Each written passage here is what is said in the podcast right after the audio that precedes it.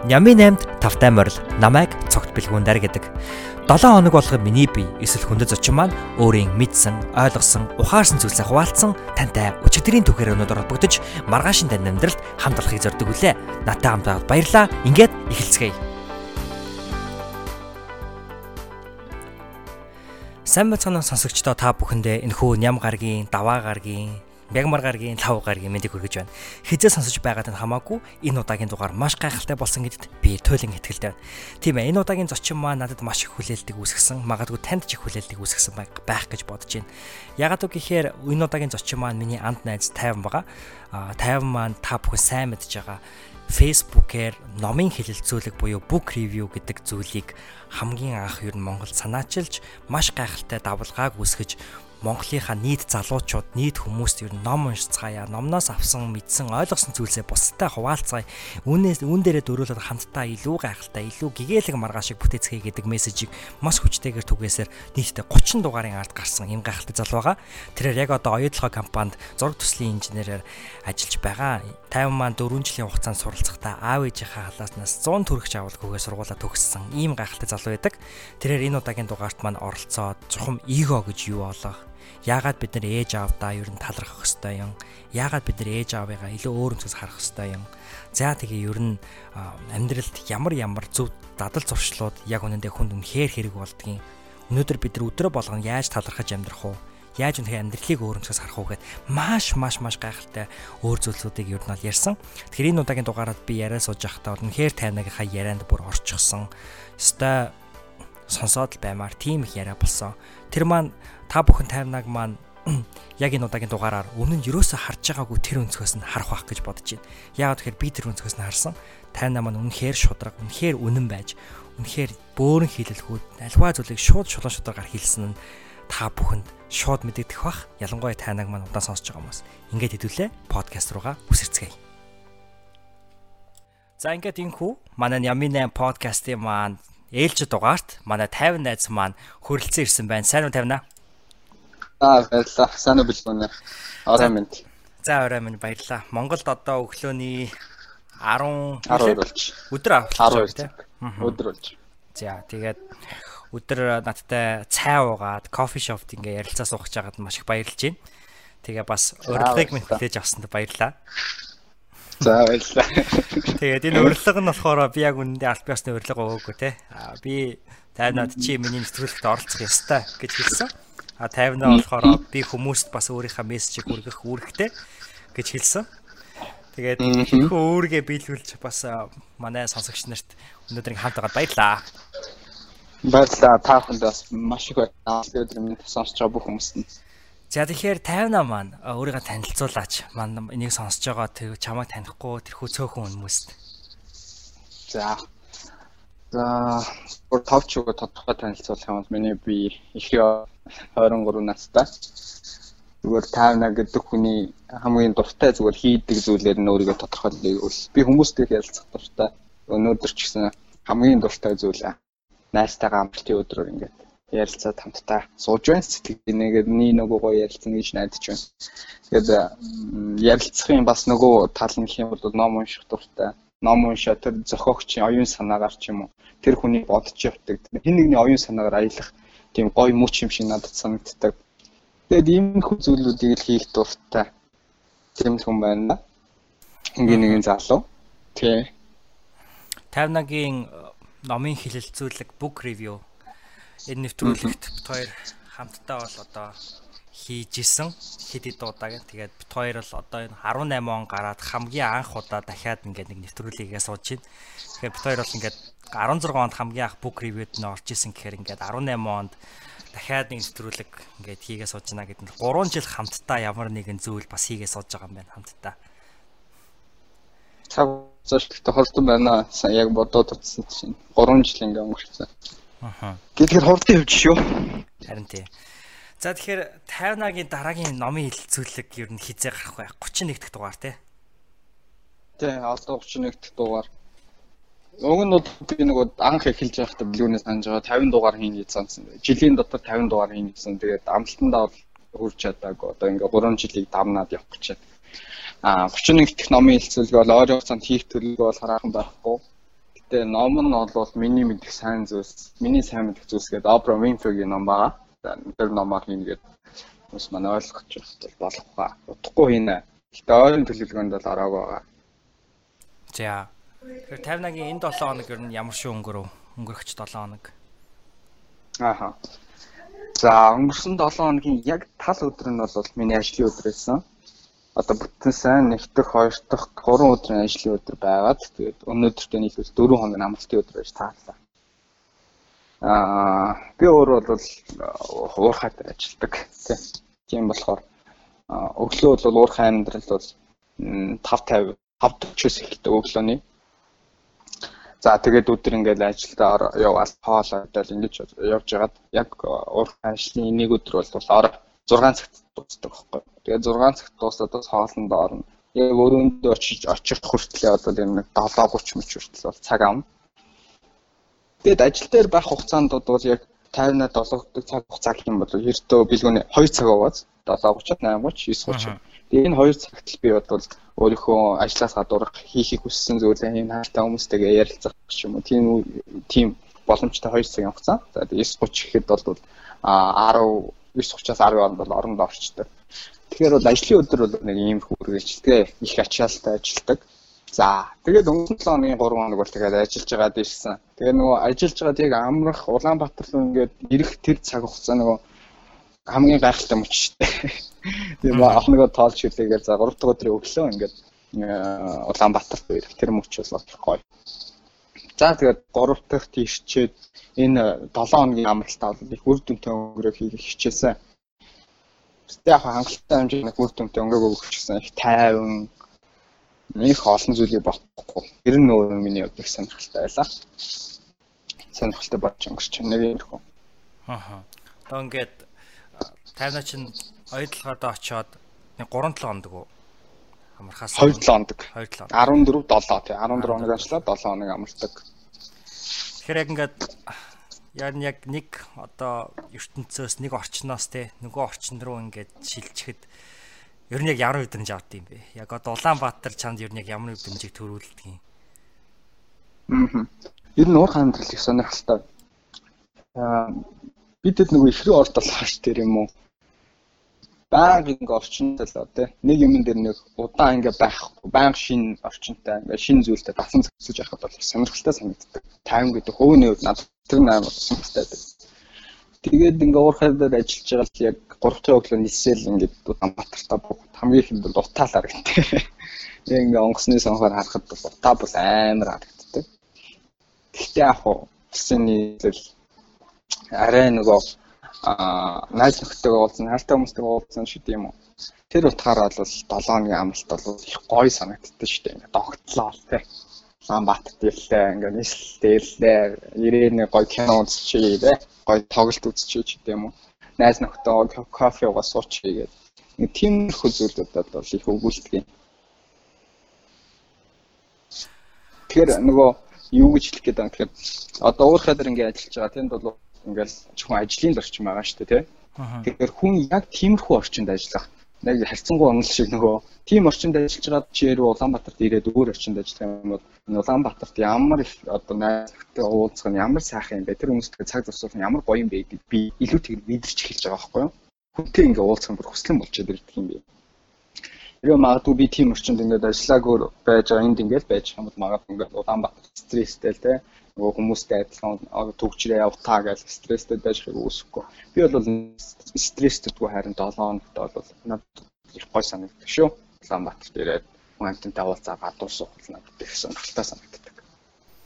Ваа, яг тэгвэл айгүй гой үнцэг байна штэ. Тий, их гой санагддаг. Аа.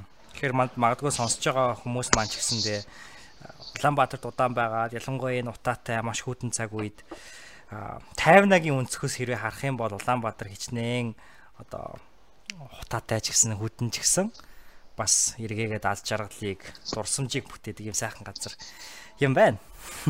Тий. Тэгэд уурхай дээр очиод эргээд очихсэндээ бас гоё байдаг.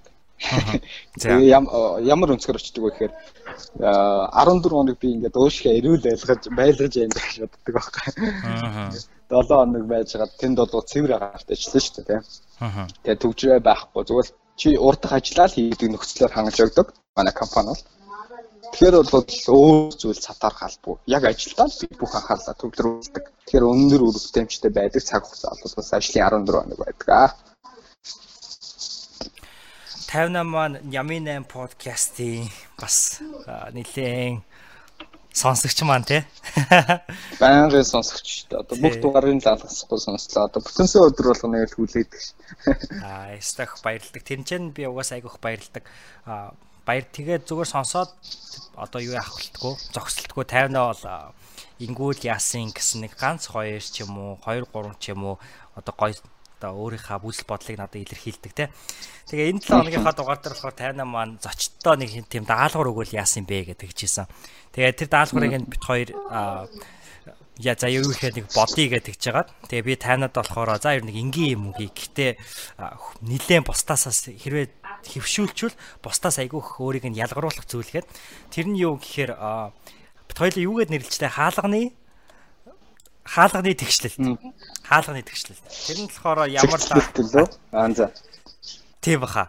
Тэр нь болохоор ямар даалгавар гэхээр ингээ хаалгаар орж гарах болгондоо тий гэртээ хаалгаар орж гарахтаа, нойлын хаалгаар орж гарах, кофе шопын хаалгаар орж гарах болгондоо мөрөө хойшлуулаад, чэйж урагшлуулаад, толгой зэх болгоод ингээд зөв постертэй болох тий зөв биеийн одоо хэлбэртэй болох. Тийм даалгаврыг өгсөн. Хаалгаар орох гарах болгондоо санаарай гэдэг Тэгээд би тайран гэхдээ энэ чамайг нийт Монголдаа Улаанбаатартайгаа залуучдын 94%-аас шууд ялгаруулна гэж хэлсэн. Тэг ялгаруулв уу? За энэ даалгаврыг бол авсан. Дөрөвт өдрөөс тоглоо тий. Хоёр дахь. Яг одоо даалгавар авснаас хойш одоо 3 юм уу 4 хон чинь гэсэн үг. Аа. 4 юм уу 5 ч юм уу тий. Тэг хичээсэн. Гэхдээ Улаанбаатар дээр ингээд явж байгаа тэр тэх юм бол бас савж унах магадлал өндөр шүү дээ. Тэгээд цаас нэг гэдэг явж байгаа хүмүүстэй халдваргаа ихтэй тохиолдолд бол хаалгаар орох гэж байгаа юм савж унах. Тийм болохоор ингээ бие цэгнээд ингээ нэлээ. Гэтэ яг тийм ингээ зуршил бол тавчааг болохоор нэг талаараа наадас боч юм бол нэр анхаарал маань бас бол юм лээ. Би бол огт анзаараагүй зүйлийг маань надад анзааруулж байгаа. Би нэрээ хээр ингээ бүгчиж явд юм байна те би ингээ пропорцоо хэр ингээ хадгалж авдیں۔ хаалгаар автаа ч юм уу тийм. Тэгээд ингээ хаалгаар ингээ орохонгод нэг төрсөн мэдрэмж нэг юм бол өөртөө итгэх итгэл нь ингээ нэмэгдэж байгаа юм шиг надад санагдсан. Нэг тийм амжилтын суулт муулт гэж юу байдаг шүү дээ. Тэрнтэй адилхан ингээ хаалгаар ингээ сэтгэл ууж юм шиг юм. За өөртөө итгэх итгэл нь гоё ингээ тэлээд ч юм. Тийм мэдрэмж төрсөн шүү. Тэгээ үүнийг хийхэд бол байгаль өөрийгөө ингээд хянах хэрэгтэй юм байлаа хаалгаар орж гарах та. За одоо ингээд нуруу тэгэхгүй ингээд байнга дадал болоогүй зүйлийг шууд өдөр ухаарал хийчихвэл хийчихэл хоёр дахь өдрөөс бас бууж хийж байхгүй шүү дээ. Нэлээд хоногийн туршилт юм уу дадал зуршил хийж ажил зүгээр бол. Тий. Тэгэхээр хамгийн хэцүү нь магадгүй бас яг хаалгаар орж гарах болгондоо тэрийг санах бах те. Би бас өөр дээрээ туршсан байхгүй. Энэ нэр яагаад ийм учиртай юм чи тэр талаар гоё хүмүүстэй яриад фьючн сонсож мэдээ. Зөвхөн товчоор ярихад бол би л нэг подкастн дээр зөвөр яаж хэрхэн өөртөө ихтгэлтэй болох вэ? Яг чиний хэлж байгаагаар яаж хэрхэн өөртөө ихтгэлтэй болох вэ гэж нэг 5 минутын подкастыг хэсэг байсан аахгүй. Тэгээ тэрийг сонссон чинь нэг залуу одоо англиар нэг doorway drill гэдэг байгаа. Drillтэн гэдэг чинь монголчууд. Тэгээ хаалгаар орж болох ингээ өөрийгөө drill гэдэг байхгүй. Яг уу яг чиний хэлж байгаагаар угаасаа хүн хүн одоо тодорхой хэмд одоо биеийн posture-ыг ингэж байлгаснаар одоо бас би тодорхой хэмжээний янз бүрийн гормон энтернээс ялгараа тий өөртөө илүү ихтэй болдог юм байна л да. Тэгэхээр тийм л учиртай. А гэхдээ зүгээр одоо бидний нийгмийг харж байхад бүгдөө л айгүйх бүх хийдэг, доошоо хардаг шүү дээ. Тэгээ тийм учраас магадгүй бусдаас ялгарах бусдаас өөрийгөө ялгаруулах нэг тийм зүйл байж болох юм. А нөгөөтэйгөр болохоор яг чиний хэлж байгаагаар ингээ хаалгаар орж ирэхтэй ялангуяа ер нь бол хүн ингээ хаалгаар орж ирэхтэй тэр орж ирж байгаа орчиндоо би орж ирлээ гэсэн нэг тийм мэдрэмжийг ер нь бол байнгын төрүүлж явах хэрэгтэй гэнэ л те. А тэр нь болохоор нэг өөрөө нэг ялгараал амбицлагтай биш. Зүгээр магадгүй чи өөртөө тэгж өөртөө ихтэй орж ирснээр чи тэр өрөөнд тийм аз жаргалыг ч юм уу ирч хүчийг оруулж ирэх магадaltaй. Тэгээ тийм учраас бусдад бас зүйл байж болох юм гэж бодсон. За за. Надад ч нэг ийм бодогдлоо. Би тийм сонин бас одоо олон нийтийн газар ч юм орж очихороо зүгээр ингээд нуруу ингээд цэгс ордгоо ч гэсэн ингээд хүмүүс ингээд миний над дээр ингээд амар анхаарч ингээд гинт ингээд шууд хүн орж иж ингээд харж байгаа юм шиг мэдрэмж төрөөд байдаг хүмүүс ингээд хараад. Тэгэл амар чухал царайлаад ордог шүү дээ. Тэгээ би зүгээр наадтай чи нэг зүйлийг нэмээд ингээд ямар ч газар орохдоо тий. Үнэхээр гоё өөртөө маавд мэтгэлтэй нуруу зөх орохоос нь орон гутах гоё амар инээмсэглэмээр юм байна. Гоё инээмсэглээд бүх ингээд орчноо ингээд тойруулж араа сууж байгаа юмс бүгд нь гоё инээмсэглээд тэгээд ингээд шууд ороод чигээрээ явах юм тий. Тийм бас байвал гоё сонирхолтой юм байна. Би тэгж үзээгүй л тэг чухал царайлаа. Инээмсэглэхээс. Аха нэг би нэг подкаст дээр сонсч ирсэн юм аа. Хоёр төрлийн хүн байдаг гэд. Энийг Brandon Burchard хэлж ирсэн. Тэгээ хоёр төрлийн хүн байдаг гэд нэг төрлийн хүмүүс нь болохоор хаалгаар орж ирэхдээ би энд байна гэж орж ирдэг. А нөгөө төрлийн хүмүүс нь болохоор хаалгаар орж ирчээд өө энд та нар байгаа мó гэж орж ирдэг. Ялгаа нь байгааз одоо хүн яг ингээ ороод ирэхээр одоо би яг энд биш шүү намайг харцгаа гэсэн байдлаар орж идэг хүмүүс байхад та нар энд байгаа мó гэд ингээд айгу тэр хүмүүстэй юмыг өгдөг тийм төрлийн хүмүүс байдаг гэдэг гэж байгаа байхгүй. Бас тэрийг бодогдвол хоёлаа одоо ингээд асуулт руу орцгоох уу. За тэгье. За тэгэхээр Нямын 8 подкастын маань уламжлалт асуулт бол талархлаар эхэлдэг. Тэгэхээр 58 маань энэ 7 хоногт юунд хамгийн их талархаж байна? Мм. За, энэ 7 хоногийн хувьд гэх юм бол ер нь талархах гэдэг үгний утгыг ч юм уу би жоохон хожуу ойлгож юм санагдсан шүү найзах юм. Аа одоо бас 7 8 жилийн өмнө ч юм уу те. 10 жилдээс гэсэн үг шүү дээ. Мм аав хэлдэг гэсэн юм баггүй. Ингээд байхаа амьдралдаа ингээд хүн ингээд талархаж амьдрах хэрэгтэй байл тухай. Тэгээд тухай жоохон жиж тэгээд аав үг болох нэг ойлгохгүй. Тэгээд үгүй аав ингээд бид нар чи хүн ингээд өөрөөсөө илүү ингээд амьдралтай ч юм уу илүү зоригтой ч юм уу илүү байгаа хүмүүстэй ингээд өөрийгөө жишээ те тэгээ тэр хүмүүс хүмүүстэй хүмүүс шиг ингээд амьдралаа ингээд нөө баг тэмүүлж явах хэрэгтэй те тэр хүмүүстэй өөрийгөө айцуудаад тийм болох юм л хүн ингээд зогсдоггүй өөрөөр дэш явж явах хэрэгтэй гэл би аа яатай жоохон мэтгэлцэх юм уу тиймэрхүү юм яриа болдог гэсэн аа болоход тэр үед л үгүй минийхөө хүн ингээд өнөөдөр ингээд өөрийн байгаа амьдралдаа те өвчин зовлонгүй ингээд эрүүл байгаа хаалтаа хүмүүс чинь эргэн тойронд чинь байна. Нэрүү савууд. Үүнээс илүү талархаж амьдрах зүйл ч байхгүй шүү дээ. Тэгэхээр амьдралдаа ингээд талархаж амьдраа. Битгий ингээд шунаа гэж хэлдэгсэн бохно. Тэгэд би бол ойлгодог байсан. Тэгээд би энэ сүүлийн 3 4 сарын хувьд ингээд уншиж байгаа ч гэдэг юм уу. Ер нь уншиж байгаа зүйлүүдээс хараа жоохон дотгошоо өнгөйгöd ингээд харах юм бол аавын хилээд идэг тэр зүйлийг ойлгож эхэлж байна. Яг ингээд үн утгаар бид нар л яахгүй талархал гэдэг юм бол нөгөө яг үгнийх нь утгаар ингээд хараад аа өнгөцхөн ойлголттой ч юм уу авдаг гэсэн нэг үүсэхгүй. Миний хувьд бол их гүн гүнзгий яг утга руу н орж одоо ингээд ойлгож эхлэв. Тэгэхээр өнгөрсөн 7 хоногийн зүгээр талархсан зүйл байвал би зүгээр нөгөө эцэг ихтэй хамгийн гол талархсан зүйлтэй. Ба. Энэ өглөө болгон босоод хүн бол өөртөө тэгж хэлэх хэрэгтэй юм шиг санагдсан шүү. Өнөөдрийг ингээд 51 бий болгосон өдийг хүртэл явуулсан. Өнөөдрийн байгаа 51-ийг үүр шимэн бол миний эцэг их шүү дээ. Тэр аав ээжтэй хүн ингээ нэгдүгээр талархах хэрэгтэй байна гэж үзсэн. Тэгээ аав ээжтэй бол талархаж байна. Хоёр дахь зүйл нь бол зүрх тарих ойлтой талархаж байна. Яагаад ингэж хэлж байгаа юм бэ? Чи мэдэнтэй бил гэнэ. Найз нь OCD гэдэг өвчтэй. Тэгээ энэ өвч нь өвч нь бол юу мэддгүй байсан. Нэршлийн олж тогтоогоогүй. Тэгээ энэ бол ийм их өвчин байдаг гэдгийг мэддэг. Тэгээд яг нэрийг мэдэхгүй яваад. Тэгээд сүүлд нэг унсан номон дээрээс энэ өвчнийхээ нэрийг олсон. OCD гэдэг өвчин болохоор сэтгцэн энийг талаараа эмгэг аливаа зүйлд хит ингээд түгших санаа зовнох тий. Дахин дахин одоо чи хийсэн зүйлээ ингээд шалгах ч юм уу. Дахин дахин ингээд юмаа бүртгэх ч юм уу. Өөрийн мэдлэгээ ингээд шууд чи хийчдэг. Тийм нэг өвчтэй байхгүй би өөрөө. Би ийм өвчтэй хүмүүс болохоор нөгөө тэгш химиг их их хвчлэн баримталдаг. Одоо чи чамд энгийн зүйл хэлбэл би ингээд телевиз ингээд зурх сууг сольж байлаа тий. Сууг сольж ягаад ингээд дууг ингээд чангалах юм бол би нэг 27 дор тавьчвал надад амар сонирх санагддаг. Тэгээ 30 болдог ч юм тий. Тэгш тоон дээр авч тавьдаг. Энэ үл зөв энгийн шээ. Тэгэд ийм хүү жижиг сажиг зүйлүүд дээр амар ачаал бүтлэгдэг. Дэндүү ихэр ачаал бүтлэгдэг. Тэгээ энэ бол өвс хийдэг өвчин юм байна лээ. Тэгээ сүүлдээ энэ өвчин өөрөөхөд доошилсан. Тэгээд энэ дээр ажиллах гэж их талархаж ажиллах гэж үзэж байгаа. Тэгэхээр ийм өвчтөе хүний хувьд бол тархиа маш ихээр зовоодог. Их юм бодно, их юм ачаалуулсан тархиа дахин дахин юм бодоо шаналаад байдаг жижиг зүйлүүд. Тийм болохоор тархитаа би бол маш их талархдаг.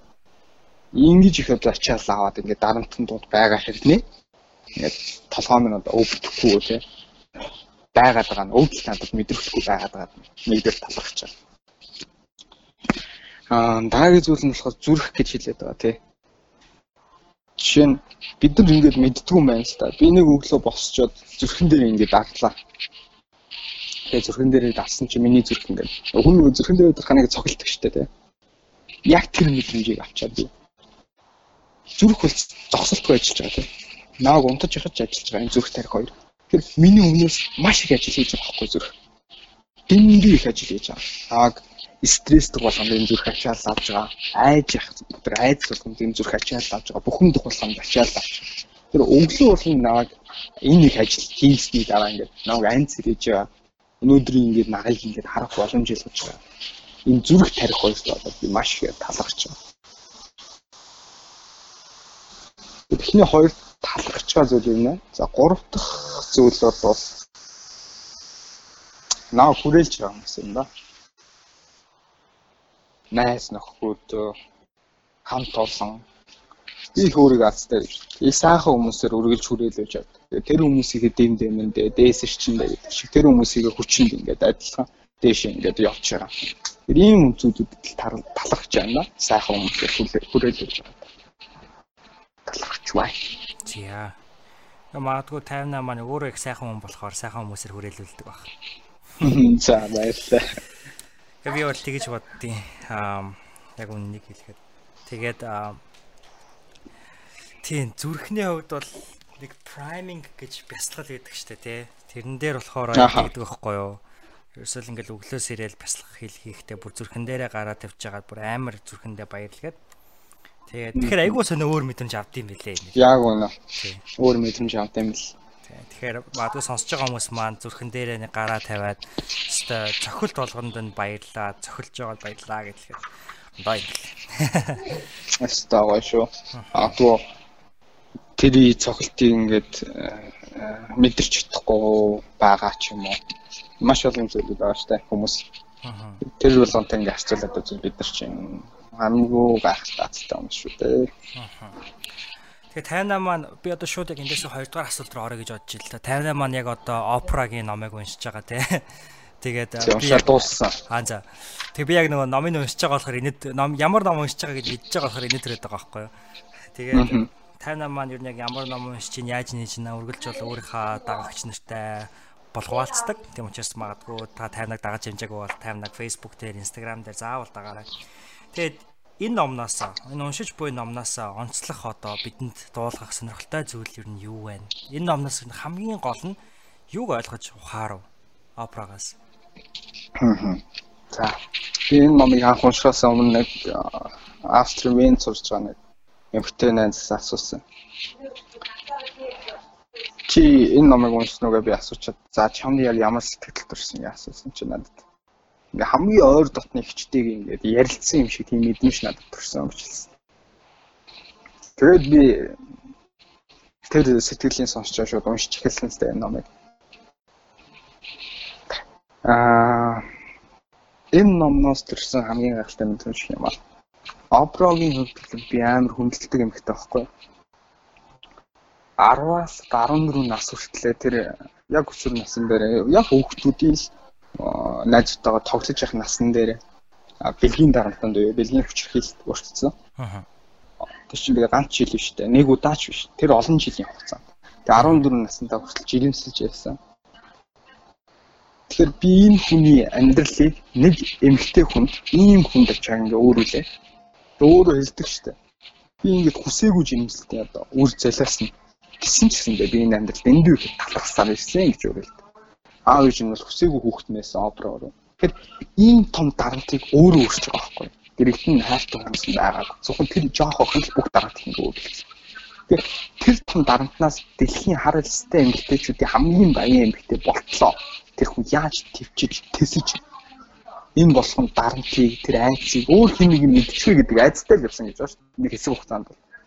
Тухайн үед бол хар эстэй хүмүүсийг бол боловсрол эзэмшлийн хөрөлтөд хоригдсан. Тийм хүнд хэцүү үе байсан. Тэгээ өөрөө ингээд карьер нь өссөн чинь хүн болгон тийм айц байдаг ш. Миний амьдрал өнгөрөөсөн тийм хар турсамжийг ингээд хүмүүс ингээд ил гаргачих байдэ тий. Тийм бол одоо хүмүүс намайг хайрлаж байгаа шиг хайрлахаа болчихоо гэдэг айцтай байсан л байна л да опера. Бустай л байдаг. Тэгэхээр ийм гайхалтай хүний ингээд яг сэтгэлээ уудалж бичсэн номыг унших миний хувьд бол тасархай байсан. Тэгээд энэ дээр тийм өндөр философийн тухай бичээгүй хүмүүс нэг ийм байх хэрэгтэй гэдэг талаас онол тийм практик гаргаж ирээгүй. Зүгээр өөрийнхөө туулсан амьдрал дундаас бидний огт өдөр тутамд анзаардгүй зүйлийг гаргаж ирээл илэрхийлж. Талархал гэж юм бэ? Бишрэл гэж юм бэ? Боломж болцоо гэж юм энэ номыг уншсан бол амьдрал хитрхи энгийн юм байна гэдгийг л ойлгох ба. Бид амьдралын нэг атармаартай амьдрал яагаад надад ингэж хэцүү хандаад байгаа юм бэ гэж боддог бол энэ номыг уншсанараа би өдөр болгон амьдрал ямар гайхалтай юм бэ? Би ямар амттай хөвөх бол ингэ амьдраад байгаа юм бэ гэдэг зүйлийг мэдрэх ба. Алхам тутамда. Би одоо ингээд цонхруу шиштэл цаа угаал сууж байгаа. Ингээ хотыг ингэ шиштэл энэ өөрөө ямар гайхалтай юм бэ? энэ хормогийн өнгийг энэ олон байшингийн өнгийг ингээд өөрийнхөө нүдээр харж шít магадгүй энэ дэлхийд 7 тэрбум хүн одоо 8 тэрбум болох гэж энэ дундаас энэ хормогийн өнгийг харж чадахгүй маш олон хүмүүс байгаа дээ. Тэгээд бодхоор хүртэл бол эдгээр үнэхээр өөрсдөө хувь тохиолтой азтай баг. Тэгээд надад бол ийм л сэтгэл. Аа. За тэгвэл тайна одоо чи ингээд цонхоор хараад те За гадаа ямар сайхан байна би энэ ингээд сууж ямар ховтой юм бэ гэд ингээд бодож байна. За ингээд нэг бодох нэг өөр. Гэтэл бас яг мэдрэх нэг өөр байдаг штэ. Ер нь юу гэх юм би яг юу хэлэх гээд байна гэхээр заримдаа би яг ингээд амьдрал талархъя гэдэг юм гэхээр одоо яг ингээд дотроо бодно штэ те одоо би амьдрал юунд талархаж байгаа байлаа ингээд бодно. Гэтэл заримдаа яг тэр талархаж байгаа юм шиг тэр өндөр мэдрэмжээ нэг мэдрэх хөстэй хэмжээнд мэдрэхгүй ч байгаа юм шиг. Түүнээсээ болоод ингээд сэтгэл санаагаар унаад би яага амьдрал талархахгүй байгаа юм болоо гэд ингээд нөгөө талархах гэжсэн хүн маань өөрөө сүултээ өөрийгөө зовоогоод байгаа юм аашийн. Ер нь яах вэ? Гой. Стаа гой асуулт болсон шүү дээ. Хайдлаа. Хэцүү юм байлээ. Яг чиний мэдэрч тэр зүйлийг л би өөрөө мэдэрч чадахгүй чадахгүй юм дээ. Аа. Яг тийм гахалтайгаар мэдрээд ингээ өөрийгөө ойлгохгүй байгаа гэсэн үг байхгүй. Аа. Тэгэл энийг бас ингээ ээлж яагаад явж байгаа. Тэр энэ дээр зүг би нэг яг чиний энэ дээр дөрөөлөд найз юм. Яг мэдэрч чаддгүй юм лээ. Яг мэдэрчээд ингээ тэр ингээд хичээх гээд үзэнгүүд эсэргээр яг би өөрийгөө зовоогоод байгаа юм шиг мэдрэмжинд айлчдаг байхгүй. Тэгээ наадах чинь би өстэй шууд ингээд асон горч чинь яа ингээд нэр тийм штэ гэж хэлмэл санагдчихэв. Тэгээ нөгөө хүнд нөгөө эго гэж байдаг тийм ээ. Аа. Миний хувьд нөгөө сүүлийн сүүлийн үед энэ үүн дээр илүү ихтгэл үнэмшилтэй болоод байгаа. Эго буюу нөгөө хэн болж харагдахыг хүссэн одоо хэрэгцээнээс үүсэлтэй би гэж яа штэ. Аа. Бусдад чи хэн болж харагдахыг хүссэн хэрэгцээнээс үүдэлтэй би. А жинхэнэ би хоёрын хооронд маш том ялгаа. Маш том ялгаа.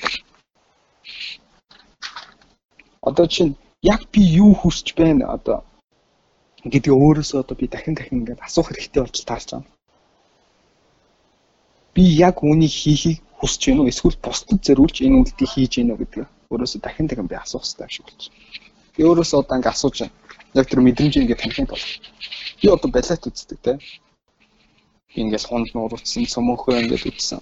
Тэгээ ганцаараа давхиж очиод үзчихдэг байхгүй. Аа. Хүмүүс чи чи ямар сони юм бэ ингээд бүсгүй нэг болцоонд үрээд хамт үзэх чи ярьдаг те. Би бол зүгээр ингээд очиод билетийг хөдөлж аваад үзчихдэг. За. Тэгээд би нэг өдөр өөрөөс асуулаа л та саяхан. Танаа чи үнэхээр балетанд дуртай юу? Чи тэр балетыг эцгийг хүсдэг шээ? үзэж дуусчаад тэндээс яг тэр хүссэн хүлээжсэн мэдрэмжийг чи авч чадж байна гэж би өөрөөсөө асуусан. А аль эсвэл чи зүгээр сонгодог урлаг үздэг хүмүүс их тийм элит гайхалтай харагддаг гэдэг өнцөг байдаг болохоор чи тэр хүмүүсийн игнэнд элсхийг хүсээд зүгээр очиж үзэж гинөө гэдэг хоёр маш том ялгаатай байна л та. Аа. Тэр өөрөөсөө дахин дахин асуу. Чи үнэхээр хунд нуур үзээд гоё мэдрэмж авч чадж гинөө гэж. Тэнтэй адилхан амьдралын бүх зүйлсийг ингээд хийх болгонд өөрөөс ингээд асуулт асуух хэрэгтэй юм шиг. Хамгийн үнэтэй ресторанд явахыг хүсэж байгаа тийм. Аа. Ороод тэр үнэтэй ресторанд оронгуудаа тэр гайхалтай үйлчлэгийг чи мэдрэхийг хүсээд тэр хамгийн амттай хоолыг битгий чи өсөж гин үү? Хамгийн амттай стейкийг битгий өсөж гин үү? Аль эсвэл чи тэр үнэтэй ресторанд ороод нөгөө чек хийн гэж ярьдаг те. Би үнэтэй ресторанд байна гэж бусдад харуулахыг хүсэж байна. Яг чи бусдад тийм харуулах өнцгийг тийм тийм л зүгээр мэдрэмжийг авахыг хүсэж байна гэдэг өөрөөсөө би асуух. Тэгэхээр маш олон зүйлийг өөрөөсөө ингэж асууж хагаад тэр үйлдэлээ бол хүн хийх хэрэгтэй. А хариултын хувьд бол хонд нуурын хувьд бол яг үзээд би гай тийм гайхалтай мэдрэмж их өсвөлж байгаа мэдрэмж авч чаддаг юм л. Аа. Тэгэхээр өөрөөсөө би яг асуух хэрэгтэй болж байгаа. Аа.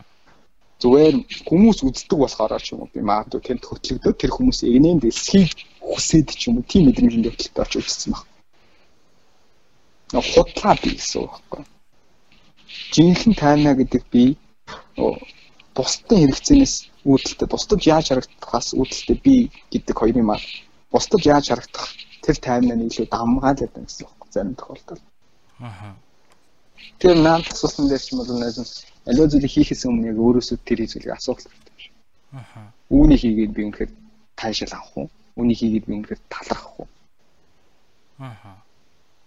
Танд их асуу Үйлдэлийн хувьд ч тийм шүү. За би энэ ганц юм нэмээ тэгээд дуусгая тий. Тэгвэл их бол. Үйлдэлийн зэндээ яг юм. Дэлгүүр ороод чи хууц судалж авч байгаа тий. Одоо бэлгүүнээ мэдэн ш найзаа. Найз нь бол ингээ 3 костюмтай. Ингээл 4 цагаан цамцтай. Хэд хэдэн сорооч бол ингээ байгаа. Би амралтын өдөр гадуур явсан гэсэндээ сорооч костюм өмсөө явах надад гоё гэдэг. Тий. Өөртөө их ихтгэлийн нэмэд ч гэдэг. Тэгэд найзууд гайхдаг байхгүй чи амралтын өдөр энэ тэнд уулзалтай байсан юм уу? Үгүй гэдэг. Тэг яхаа костюм өмсөж өрөөд ирсэн юм. Надад тэр нь гоё яагаад байгаа. Гоё яхаас гадна би нэг загварлаг харагдах гээд би олон төрлийн за нэгд өдөр юм хувцсан юмсан, хоёр дахь өдөр юм хувцсан гэдэг 7 хоногийн 7 жилийн хувцсан надад байхгүй. Үнэндээ. Гурван костюм хамгийн сүүлд би хэзээ дэлгүүр олсноо санахгүй. Өөрт байгаа нь тэр 3 4 жилийн тэр хэдэн хувцаанд би цэвэрхэн цэмцгэн өмсгөнд надад тайвтай байдаг. Бусдаар илүүд тухсан хүн надад бол тийм сонирхолтой биш. Хүн болгон хэрэгцээ бол та. Зарим хүн хувц өмсөд тэндээс гоё таашаал аваад явах. Тэгэхээр хүн хувц авахтаа хүртэл нэг зүйлийг өөрөөсөө асуусан. Энэ хувцсыг би өмснөрөө урт хугацаанд би үнэхээр гоё таашаал авах юм уу? Би дүнээрээ TFT хийх юм уу? Тэгвэл ганц өдрийн нэг үдшилтэд зориулж би энэ хувцсыг бол худалдаж авч байна. Тэгээ ганц л өмсөн жилдээ. Тэгэл чааш нь хадгалж. Тэгээ дахиж гаргаж иш өмсдөг тэр хэн нэгэнд яагаад бид нөгөө аз жаргалын унтраалга яагаад хэн нэгнийг гарт бариулах ёстой юм бэ гэдэг үгийг өөрөөс дахин асуух. Би үнэндээ бол хэн нэгэн таалагдах тэр хүн дайшин завж байгаа. Ганц өдөр өмсөх гэж. Тэр үйл хийх болгонд хөө зүйлүүдийг өөрөөсөө асууж агаад хийх хэрэгтэй юм шиг байл. Зөв зөв. Маш гайхалтай хариултаа тавина. Би тэгээд чамд бас айгу үнэн байгаад нь баярлж байна нийт сонсож байгаа хүмүүсээ яг төрөөчийн нэвтрүүлэгт манай Арука маань хэлж ирсэн хүмүүс үнэн байгаасаа гэдэг. Би ерөөсө тэр үгийг олж чадахгүй байсан байхгүй юу? Ер нь яг ингээд нээлттэй те бүр ингээд нэх бөөн хэлээд байлтгүй өөрийнхөө дотор бодож байгаа мэдрэмж өөрийнхөө ойлгосон зүйлийг ингээд шууд хэлхийг л ер нь бол үнэн байна гэж л хэлээд байгаа юм байна. Тэгээ үнэн байгаад байгах баярлж байна. Баярлалаа. Аригийн подкастыг уншаад би бол сонсоод бас үнэхээр гой санагдсан. Яг үнэн байх гэж бид хичээж бид нар худлаа шүү дээ тайвнаач худлаа, за бэлгүүнээж худлаа. Юу гэж хэлэх гээд бид нар яг жинхэнэ биегээрээ байхад хэцүү юм. Тийм болохын тулд байнга өөртөө ингэж нэг асууж, аль болох тэр үнэн тал руугаа бид нар ингэж хилтийж явах хэрэгтэй юм. Тэг санагдсан. Үнэхээр заримдаа би өчигдөрх инстаграмд тэгж бичсэн байхгүй. Нэг хүн ингэж ütсэн бэлгүй нэ. Ярьж болох бэлгүй нэ. Би амар удаан яриад тийм. Юу ч ярьж болно шүү дээ. Тэнгүүд инстаграм дээр нэг хүн надад бичсэн танаа өөртөө өөрийн чинь үзэл бодол надад маш их таалагдсан. Тэгээ өөртөө чинь уулзч үзмээр санагдаад байна. Би танд ингээ ном бодолтож авч игээд тэгэхгүй. Тэнгүүд надад ямар бодол орж ирсэн гэхээр би ингээд интернет ертөнцид бол би зүгээр харуулахыг хүсэж байгаа өнцгөө л харуулж байгаа. Таймнаа зүгээр зөв гэж бодсон. Тэр үйлдэлүүдийг л хийж байгаа. Тэр үгсийг л би бичиж байгаа байхгүй юу? Тэр хүн бол яг тийм өнцгөөс нарна шүү дээ. Таймнаа ухаалаг залуу юм байна. Таймнаа зөв бодолтой залуу юм байна үнэндээ тайна гэдэг хүний үнэн төрөх юм. Тэр үнтэй уулзаад үзвэл тайнад өөдгөө новшийн зам бол байж л байгаа шүү дээ. Тэр новшийн зам өөдгөө зангаа бид нар хэзээ ч биелэх гаргаж тавихгүй. Тэгэхээр би өчигдөр Instagram дээр нэг юм үг ütсэн. Би өвдгүү новш байх үедээ хамгийн сайн нэр бичсэн. Өвдгүү новш авах үедээ. Энэ өөрөө үнэн байхтан их дүүцгүй юм шиг санагдав. Үнэн байна гэдэг нь тий үгүйч гэдэг юм уу хин нэгэнд хатуухан муухай гэлмээр санагдуулсан дээр шулуухан хэлсэн дээр. Аа. Би үнэхээр новширмаа санагдвал новширий. Өөдгүү баймаар л өөдгүү бай. Эцсийн дүндээ би тэрэнд өөдгүү юм уу новш гэдэг нэр аваад дүүж байгаа аваад үлдчихэж байгаа хэрнээ хамгийн гол би өөрөө өөртөө үнэн байгаа байхгүй. Тэр нь л гоё. Өста би хүн болгонд таалагдах гэдэг хүн болгонд би гахалтай тайвнаа чадна. Гэхдээ эцсийн дүндээ бол би үнэн байгаагүй нэг сэтгэл дотор нэг юм байсараа нэг дүр тоглосоор байгаа л дуусах хэрэгтэй. Тэгж л басан. Тэр хүн болгон social distance-ийг нэг хүнийг энэ их ухаалаг залуу шүү, энэ мондөг залуу шүү гэж битгий бодорой л гэж. Энэ ихийнх нь дүр байгаа шүү дээ. Интернет ертөнцид бид нар бүгд дүр тоглож байгаа шүү. Сошиал медиа дээр чамаг олон хүмүүс маш амжилттай явж байгаа залуу гэж хардаг баг.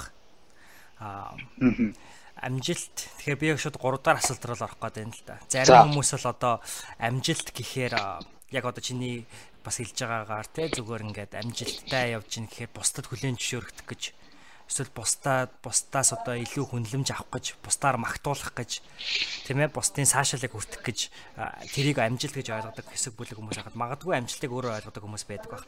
Тэгэхээр гурав дахь асуулт маань хоёр хэсэг бүрдэж байгаа. Чи юу амжилт гэж чиний хувьд яг юу вэ? Тэгвэл тэр чиний тодорхойлолтын хувьд энэ 7 хоног чиний хувьд амжилттай 7 хоног байж чадсан уу? За. Энэ асуултыг бодож байсан бэлгүүнээс өмнө надад бас дурсаж байсан найзынхны хувьд бол амжилтын тухай бол нэг бодоод авах болсон. Аха.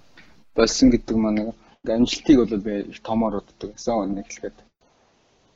Он өндөр альбом тушаалт очихоор юм уу?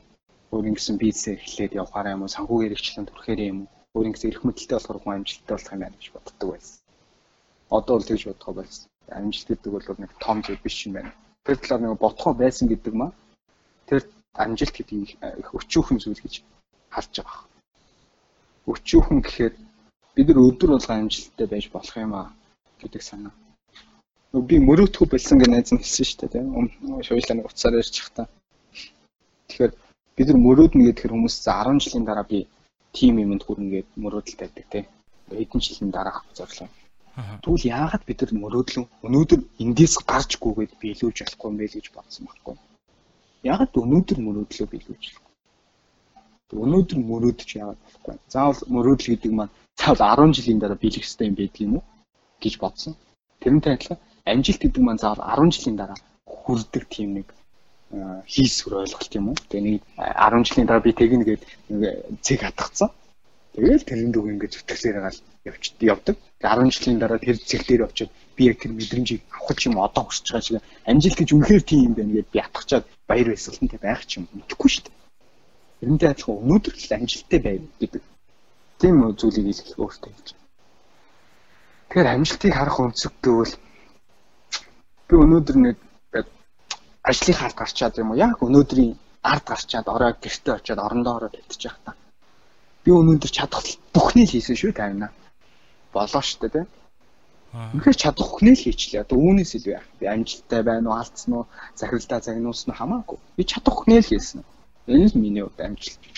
Үнэхээр гоё амармаар санагдсан үедээ би аа утасныхаа дууг хаагаад нэг ч интернет ертөнцид орохгүй өдөржин борч ирээд хоол идчихэл буцаал унтаал тэгээд амарч чадсан би өнөөдөр өстэй яг төлөөснийхээ дагуу хийх л хийлээ шүү дээ. Энэ амжилттай байлаа гэж бодно. А өдөр өдөр амар намар гэж бодцоод өдөр чи утас ширтцсэн ч юм уу өдөр чи ингээд кино үзсэн бол миний хувьд амжилтгүй байхгүй. Би яагаад тэр өглөө өөрийнхөө өдрийг хэрхэн өнгөрөх өөрөө шийдчихэд тэрийг өөрийн гараар бүснүүлж байгаа байхгүй. Тэгэхээр энэ өөр миний хувьд амжилтгүй. Тэр өдөр болгон яг өглөө босоод би энэ өдрийг яаж өнгөрөх үү гэж бодцоод тэгээд би яг чадах нээсэн шүү гэдээ ороо мэдээ дундах үедээ бодох. Энэ л миний хувьд амжилт. Ахаа. Аа өнгөрсөн хоёр дахь асуулт маань шүү. За өнгөрсөн 7 оны тэрхэн амжилттайсэн бэ гэв. Тийм ч гахалтай амжилттай 7 хоног байгаагүй. Аа хангалттай хэмжээнд ингээд бүхнээ ингээд дайчилж чадахгүй юм шиг санагдчихаа. Аа. Ажил дээр бол бүр үүнээс ч илүү би хийх боломж нэдэг байгаад байдаг. Гэхдээ их удаан байгаа. Өөрөөтэй юм шумуутай байгаа. Тэгээ би яагаад ингэж байгаа ингээд хайж л байна. Одоо ажилдаа чонд асчихгүй байхыг өсөхгүй. Тэгээ абуучгүй өдөр болгон хичээсээр л авах болно. Их стресст юм аа би бас ажил дээр үнэхээр стресстэй тэрийг хүлээн зөвшөөрөн. Тэгээ чадахгүй байгаа юм чи стресстэй жиж магадгүй. Тэгээ урт хугацааны туршид тасалдгүй хичээгээд болох ба. Тэгээд ажлын хувьд бол 3 хоног амжилтгүй байсан гэж хэлнэ. За амраад ирлээ хотод. Энэ 4 оны хугацаанд бол Salsa Night-д явж үзье гэсэн яваагүй. Өчигдөр нэг зураг зурдаг, вайн уугаад зураг зурдаг тийм газар ивентэд очих гэсэн би очиагүй. Эренгүүтээ гоё кино үзнэ гэсэн би үзээгүй. Тэгэхээр бас амжилтгүй л болж байгаа юм л да. Хийсэн хэлий гэсэн зүйлүүдээ хийгээгүй. Тийм байна да. амжилтгүй 7 хоног гэсэн байх болчихно. Тэгээд. За тэгвэл чи амар стресстэй. За. Стресстэй тэр стрессээ яаж давдсан юм бэ? Стрессээ давна гэдэг өөрөө амжилт уу? Нэгэнд чи стресст ч те. Чи стресст ч болохгүй байх үедээ стресс шаардлагагүй үедээ чи стресст ч дараа нь стрессээ давах тэр амжилт уу? Юу нь яаж давдаг юм? За амжилт амжилт гэдэг тал дээр бол мэдэхгүй байна. Зүгээр стрессээ яаж давдаг гэх юм. Би хүмүүстэй ярилцаар гойлчдаг. Аа. Стрессээ давах хамгийн зөв. Яг өөрөөсөө л хүн хаах хэрэгтэй л. Гэхдээ би түүнийг олж чадаагүй. Нөгөө их стресстэй өдрийн арт ч юм уу, хайлттай үнтэйгээ ч юм уу ярилцах, ярилцах. Нөгөө л найз нөхдөдөө ярилцах. Би одоо бэлгүүнэтэй ярилцахад их гоё мэдрэмжийг авдаг штеп Аяг жоох стресс ч нэг битүүрч байнга яриад авахгүй шүү дээ. 14 хоногт зарим үед бас сартаа нэг л ярьчих. Ярихаар ингээд нэг дасгалжуулагч тагаа ч юм уу нэг байхгүй урам зориг авчдیں۔ Ямар мэдрэмж ихээр энэ жоох сонин сонсогдож байгаа. Би бас тэгдэг штэ. Хүн ингээд нэг хүн дурлалаа тий. Дурлалчаар ингээд явж байгаа нөгөө хүнтэйгээ ингээд гоё ярилцаад ярилцаад ч юм нөгөө хүнийхээ хоолойг сонсоо ингээд бүлгэлдэг штэ.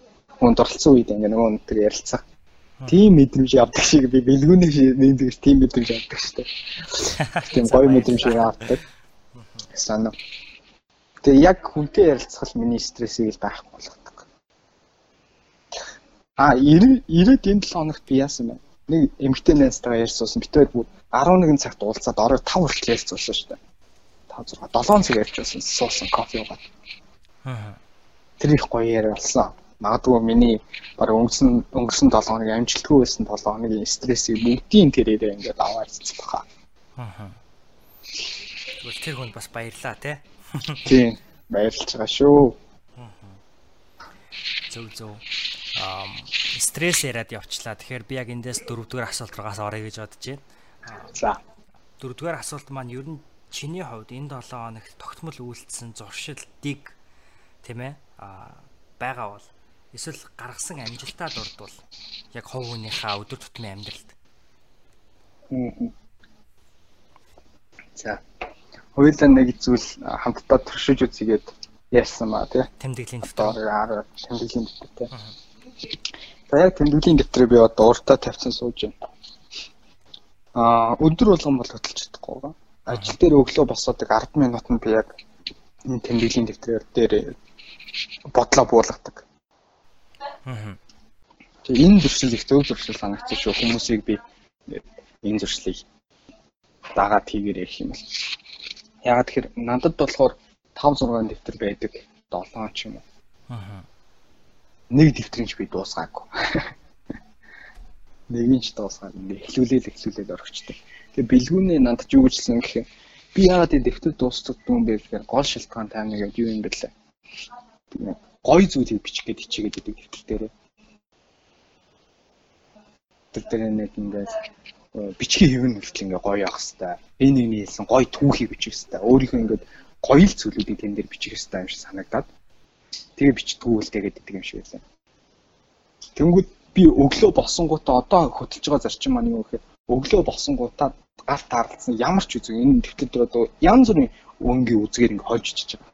Гар таарлцсан үзгээр барьж аваад дэвтрийг нэгээл энд үл дэвтэр дээрээ ус мус ассан ч гэсэн хамаагүй тэрэн дээр их санаа зовхгүй. Тэгэл сараачаал зүгээр ямар ч шүүлтүргүй би өглөө сэтгэл дотор байгаа зүйл дэвтэр дээр буулгаж байгаа. Аа. Тэгэхээр энэ бол их гоё.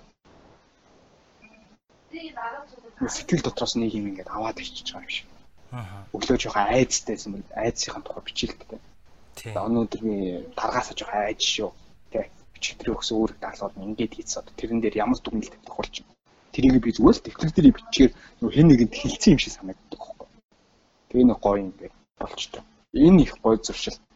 Энийг хэрэгжүүлэх гэж хичээж байгаа. Өдөр болгон хийж чадахгүй байна. Гэтэ одоо л өдөр болгон хийдэг темпер ингээд баагаар оруулах гэдэг. Энэ их гоё зуршил шүү бэл байна. Энийг хуваалцсан маш байлаа. Чи энэ дээр тэгээ хүмүүстэй хуваалцаж хэлэх юм шилэх зүйл юм байна. Оо чи ер нь найзынхаа чамд хэлчихсэн юмыг ер нь бол гоё маш товчлоод маш гоё хэлчлээ гэж бодож байна. За. Хоёр дахь зуршил байгаа. Би ажил дээр очиод нэг 11 12 хоног Facebook, интернет ертөнцөөр нь бүгдийг хаасан. Аа. Гэтэ би Instagram, Facebook хоёр л байдаг л да. Өөр нэг юм баг. Тэгээ Messenger өөрчлөлт хаасан. Би хаасан 12 хоногт бол өглөө орой 10 гэж орондоо ороод өглөө 5:50 зэрч байгаа. Маш гоё амарсан. Бүх нойртой амарсан. Орондоо ороод хөрвөөгчгүй 20 10 минут 20 минут хөрвөөгөөд тэгээ шууд унтсан. За, нээснээс хойш яасан бэ гэхээр би одоо хүртэл гоё амрааг байна. Техниктэй 1 2 гэж унтж байгаа. Тэгээ нэг бие маань ингээд гоё амарсан юм шиг мэдрэмж авдаг шүү дээ. Тийм мэдрэмж гоё авч чадахгүй. Уцаа оролдоод хөвтөд байгаа юм уу? Тий, уцаа оролдож хөвтөж जैन. Тэгээд ямар нэг юм заавал ингээд шалгах ёстой юм шиг мэдрэмж төрөөд нэгсэнд донтолтой байхгүй? Үнийг би хүлээн зөвшөөр донтол. Тэгээ хэн нэг юм ингээд чатаар хариу бичиж гэнэ үү гэдгээ дахин дахин шалгах гэж юм. Аа. Миний нэг өвсид өвчнтэй холбоотой байх л та. Би одоо чи хэн нэгэнтэй ингээд чатаар харьцсан шүү дээ, тий. Тийм бол би тэр дор нь хариуг нь бичдэг. Тэр хүн хүлээлгдэг. Тэр дор нь хариугаа биччихээд тэр дор нь хариу авах гэдэг байхгүй хүлээгээд хариу түмүү зарим хүмүүс ингээд бичиж орхичоод тэр уцаагаар л өөр ажил хийгээл явчихдаг шүү дээ. Бол тэр дор нь тэр дор нь хариуг нь аваад ингээд тэр ажлыг гэл зогсуулах гэдэг байхгүй. Тэ? Тэгтэл нөгөө хүмүүс ч хүлээлгэн штэ зарим нь цаг өчгөө 2 цаг өчгөө. Тэнгүүд би байн бовцаа ингээд дахин дахин шалгаж штэ. Тэр 2 цагийн хугацаанд магадгүй 10 удаа шалгах гэсэн. Тэгэхээр 2 цагийн дээр миний ажлыг өгөх юм чи навс унж байгаа. Тэгээ энэ иймэрхүү зуршлууд бас байна. Тэгэхээр орой ер нь бол айлтгах унтахаас өмнө 2 цаг ч юм уу усныхаа дууг хаагаад интернет ертөнцөөс нь хол авах хэрэгтэй юм шиг санагдсан. Ядч л стрессдэггүй шүү дээ. Аа. Би 10 хоног хаахт болно интернетээр орох ямар нэгэн шаардлага надад байгаагүй. Би бодсон л та. Интернетээр орох надад ямар шаардлага гэдэм бэ гэхээр би хүмүүстэй харилцах болдог юм байна. Тэг өөр хэрэгцээнүүдийг бол би ихэнхдээ бол өөр зүйлүүдээс авчиж болдог юм байна гэдгийг ойлгосон. Аа. Тэг яг хөө номын хэлцүүлгээ тогтмол хийдэг байсан бол яг хөө интернетийн ингээ ашиглаад байх боломжтой байх л та. Тэгэхээр хүмүүстэй энэ зуршлыг бий болгоорой. Цартаа ядаж 10 хоногийн юм уу ингээд интернетээс өөрийгөө хоол айлгаад дэг бариад ингээ мэдээллийн мацаг бариад Аа. байгаарай гэж зөвлөж байгаа. Энэ нэг гой зуршил. За, гурав дахь зуршил. Би энэ зуршил нь болохоор за чар би ямар зуршил хэлнэ гэж санаж байсан мартчихлаа шүү. За. Энэ хоёр зуршлыг хэлчихэд гурав дахь зуршил нь болохоор За за энийг санахаар нь найс мартчихсан байна. Аа. Уг нь амар ойрхон байна гэхдээ мартчихсан. За тэгвэл би яг юу яа? Аа чиний яг хоёр дахь зуршил дээр нь ганц юм нэмээд ярьчих. Чи тэр оролцох гад үзээрэй заяа. Тэгээ Би яг тэгээ юу тэгээ. ярихыг хүсэж байна гэхээр одоо энэ мэдээллийн мацаг гэж аягүй гоё нэр өгсөн байна те. Би болохоор энийг нэг 100 юу яасан штэ 17 оны 100 би бүр нэг сар хагас Facebook, Instagram хаасан баг. Тэрийг нь болохоор би хог новшнуудаа салцгаая гэж нэрлсэн. Тэгээд би 18 он гараад бид ч нөө шинэ оны зориг морилгоо ингээ ярьдаг штэ. Бичдэг штэ. А би болохоор юу хийсэн гэхээр 17 онд хийсэн бүх юмнуудаа ер нь жоохон нягталж үзсэн аахгүй. За ингээ 17 онд би ямар хоолны дэглэм барьсан байна. Ямар биеийн тасгал хийсэн байна. Яг ямар одоо алхмууд амьдралдаа авсан байна. Аль нь миний амьдралд хамгийн их нөлөө үзүүлсэн байна гэдэг ингээд одоо дахиж дүгнж бодсон. А яг энэ дундаас бол хамгийн их нөлөө үзүүлсэн цороож гарч ирсэн зүйл нь юу гэх юм бол тэр интернетээс, фэйсбүүкээс, инстаграмаас өөрийгөө гаргаж хайсан тэр нэг сар хагасын хугацаа бол хамгийн их одоо өөрчлөлтөд авчирсан. Тэг ямар өөрчлөлт гэхээр би өөрөө хэлчихсэн аахгүй амар хошноор интернет фейсбુકээс би гарснаар би хамгийн их жин алдсан гэж. Тэгээ яагаад чин алдсан бэ гэхээр тухайн үед би хоолны дэглэмээ маш сайн барьсан. Хоолны дэглэмээ би маш сайн одоо нөгөө гүйлт биеийн тамирын дасгалтай хослуулж чадсан. Тэгээ тэр нь яагаад вэ гэхээр өнөөдөр бид нэр Facebook, Instagram ухаж өдөрт дунджаар миний хувьд бол 2 3 цагийг зарцуулаад байсан аахгүй яг тэхээс өмнө. Аа. Тэгээд би сая яг он гараад за арай Facebook, Instagram хаах боломжгүй те. Ягаад гэхээр яг одоо ямын 8-ыг ингээ хийгээ сууж байгаа учраас байнгын интернет байх хэрэгтэй. А гэхдээ өөр ямар алхмууд хийж болох вэ гэд ийм алхмууд хийсэн байгаа. Одоо энэ ялын практикал зүйлс. А нэгт болохоор Instagram, Facebook, Twitter гэсэн бүх зүйлсүүдийнхаа нөгөө notification буюу мэдээллүүдийг бүгднийг унтраацсан. Тэгэхээр бол одоо чи на миний зурган дээр comment бичихэд бол тэрийг бол би өөрөө л орж үзэхгүй бол хизээч мэдэхгүй те. А хоёр дахь хийсэн зүйл нь юу вэ гэхээр а өглөө одоо өглөөдний 5 цагта Facebook, Instagram тийм сошиал медиа програмууд хэрэглэх бүх эрхүүдийг нь програм суулгаад байхгүй болгоцсон. Тэгэхээр би одоо нөгөө програм руугаа Facebook руу орохоор та одоо дараагийн 3 цаг Facebook хэрэглэх хэрэглэх эрхгүй байна гэгаад ирдэг те. За энэ аргыг бол би нэлээд бас хэрэгэлдэг үе үе хэрэгэлдэг. UB Hind гэх програм байдаг. Тэгээ ингэж байгаа. Тэг яг энэ хоёр бол агиох нөлөөлж байгаа. Тэгээ миний одоо нэмж хэлэх зүйл бол яг энэ одоо практикт алхмууд байна. Аа. За баярлалаа. Гоё юм хуваалцсан. Аха, бая зүгээр зүгээр. Чи зурчлаа санснаа гуравтхаа. Гуравтх нь юм байна. Зүгээр энгийн за энэ хүмүүс болохоор анзаардаггүй л байна. Өглөө хүн ингээд 20 минутыг, орой 20 минутыг гэд өөртөө 50 баг тийм хугацаа гаргах хэрэгтэй. Тийм зуршил. Энэ офрог номонд өрчдөг байхгүй. Офро би хичнээн завгүй байсан ч хичнээн өглөө ингээд эрт уулзалт байсан ч би өөртөө 20 минут тайван багт юм хуцаа гаргадаг. Тэгээ би төвөөсөө гараад өөрийгөө ингээ ажиглах юм зүгээр л юу ч бодох ингээ тайван тийм цаг хугацаа өөртөө өгдөг. Илгүй амьсгал дээрээ төвлөрчиж болно тийм тухайн цаг үед. Орой унтахаас өмнө 20 минут тийм цаг хугацаа болгодог. Ийм зуршлыг хэрэгжүүлж үзэх хэрэгтэй юм шиг байна. Аа. Би стресстэйгээр заримдаа ямар дасгал надад нөлөөлдөг вэ гэхээр би ихцэл сууж байгаа. Нөгөө гүнзгий амьсгаа авдаг. Маш хүнзгийн амьсаа авангуудаа нөгөө амьсаагаа удаанаар гаргадаг. Аа.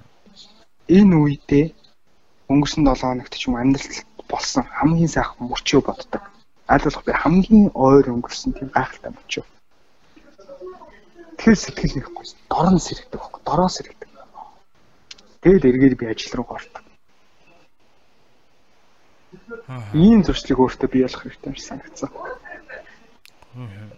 Тэгэхгүй бид нэг стресстэй байгаад тахаар би одоо чинь нэг ажил хийх гээд ингээд стресстэй байгаад байна тийм нэг ажил хийх гээд тэгээ чадахгүй байгаад тахаар би тэр нь тэгээ зуралцаар өдрийг барцсан гэдэг хөхгүй. Аа. Гэтэл тэгэхгүйгээр тэр ажлаас түр хөндөрөөд 20 минут өөртөө тайван байх хугацааг өгөөд тэгээд эргээд ажил руу гарах хэрэгтэй. Ийм зуршил. Тэгээ би энийг хэрэгжүүлж үзчихэд тэг хүмүүстэй бас суулцснаа.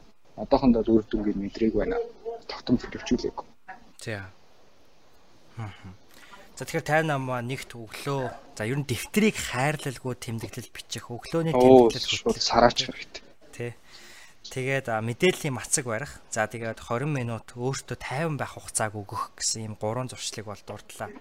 Чиний амьдралд магадгүй 7 хоногт нөлөөлсөн а нэг зуршил маань утгагүй нөлөөлөх магадaltaй тийм зуршил юм байна те. Тэгэхээр 5 дугаар асуулт маань болохоор төвлөх хин чамд бас яаж нөлөөлсөн бэ энэ 7 хоногт хамгийн ихээр онцлог нөлөөлсөн хүн. А тийм гайхалтайгаар нөлөөлсөн хүн бол байхгүй. Аа. Зүгээр надад нөлөөсөн тийм том асуулт. За. Мм тэр нөгөө бид хоёр 7 цаг ярьсан манай эмэгтэй найз аа тий. Тэр надаас ингэж асуусан. Тана чи аав ээжийнхээ ямар хоббитэй гэдгийг мэдэх үү? юуг хийхээрээ тэр хүмүүс баярлдгийг чи мэдгүй. Ямар үедээ тэр хамгийн баярлсалтай байдаг, ямар үйлдэлийг ирээд байдаг баяртай болдгоо мэдгүй. Энэ нэг том асуулт. Нааг их юм бодогдуулсан. Аа би мэдэхгүйсэн юм чинь. Хэцүү байна. Аагаа хоббиг мэдэхгүй. Ээжигээ хоббиг мэдэхгүй. Энэ хүмүүс одоо жишээ нь ингээд би ч ихээс уйл штэ. Дээр ихчтэй манай агч урах үйлч Тэгээд эгчтэр явд ингээд магадгүй үр хөвгтэн хүн гаргачаад тэгээд тэр үр хөвгтийнхээ гэхэл ингээд орлого олохгүй л ингээд тэмцээл ажиллаа хийгээд яваад өдөө олон жил явчихад тэр хүмүүс хобби гэдэг зүйлээ мартцсан байдаг.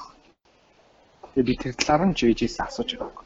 Тэгээд энэ хүн ингээд ажиллаа хийгээл хөдөлмөрлөө ингээд үр хөвгт нь хажууд нь байхад аа хамгийн их байрсгалан тэгээд авч байгаа хтал гэж боддог байхгүй юу? Гэтэл тэр хүн өөрөнгөс хобби байгаа шүү дээ хүн шүү дээ тийм үстэй бид минь ямар нэг юм хийхээрээ тэндээс таашаал авдагтай адилхан тэр хүмүүсэндээ тэрийг хийхээр таашаал авдаг л байсан. Бид нар тийм асуултыг өнөөдөр асууж байгаа юм байна. Тэр их бодогдуулсан асуулт. Ээж та юу хүсэж чинь юу хийх хүсдэг үү гэж бид нар асуудаг юм байна шүү дээ. Хүмүүс асуудаг байх л та би нөгөө ээж тавдаг ярилцсан хүмүүс ч бол тэ найзыг нотолт гэж асуудаг юм. Тэгээд энэ их тийм бодогдуулсан асуулт байлаа их нөлөөлсөн. Аа. Зөө зөө.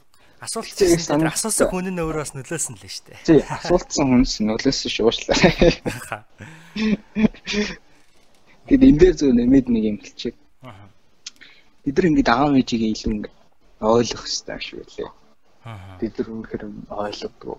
Бид нэрийг олон тон дээр яриад байж магадгүй зүгээр биний л миний хувьд ингээд 50 бол нэг ойлгохгүй юм байна гэдэг дүгнэлт төрсэн байхгүй.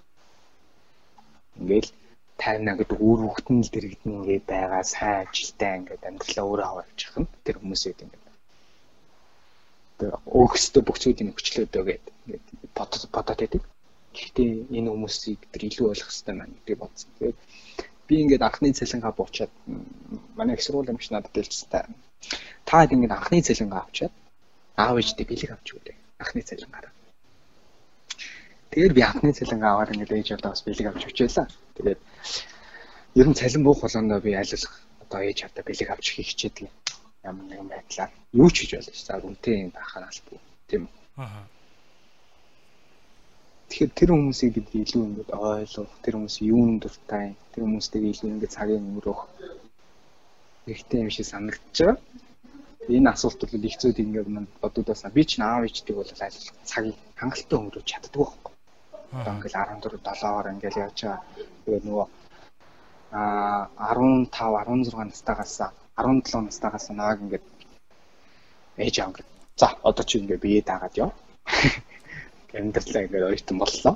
Ингээд миний ээж аав нөгөө хамгийн надад өгсөн өнөөдрийг хүртэл ингээд тайнаа ингээд бүтээсэн ингээд хамгийн том зүйл гэвэл гэр бүлийн хүмүүжил гэж би боддог байхгүй. Аа. Тэр нь ямар хүмүүжил нэмээ гэхэд зүгээр хүн болгоны амьдралд асуудал байгаа штеп билгүнэ тий. Бүгд харагдаж байгаа шүү тийм сайхан биш. Тэгээд миний хүү чи өөрөө ингээд асуудалтаа нүүр тул гэж хэлдэггүй ч гэсэн ер нь бол багаас мэн ингээд 7 дугаар анги ч юм уу 6 дугаар анги арчин хойш ингээд чи өөрөө асуудалтаа нүүр тул гэж явуулцдаг. Аа. Тэгээд ингээд асуудалтаа би өөр ингээд нүүр тулаад ингээд тэрийг шийдэх гарцсан ингээд болно шүү дээ тийм. Бол миний артал хамгийн том дэмжигч пронт маань гэдэг. Харин зүгээр 50-ны хөтлж яваад за энд англи хэлний сургалт байна. Чи ийшээ суу. Чи ийм мэрэгчлээ болох хэрэгтэй. Энд давтах авах хэрэгтэй гэж хязгаарч хөтлж наваа авчиж байгаа. Чи гэрийн даалгавар хийсэн юм гэж надаас нэг ч асууж байгаа.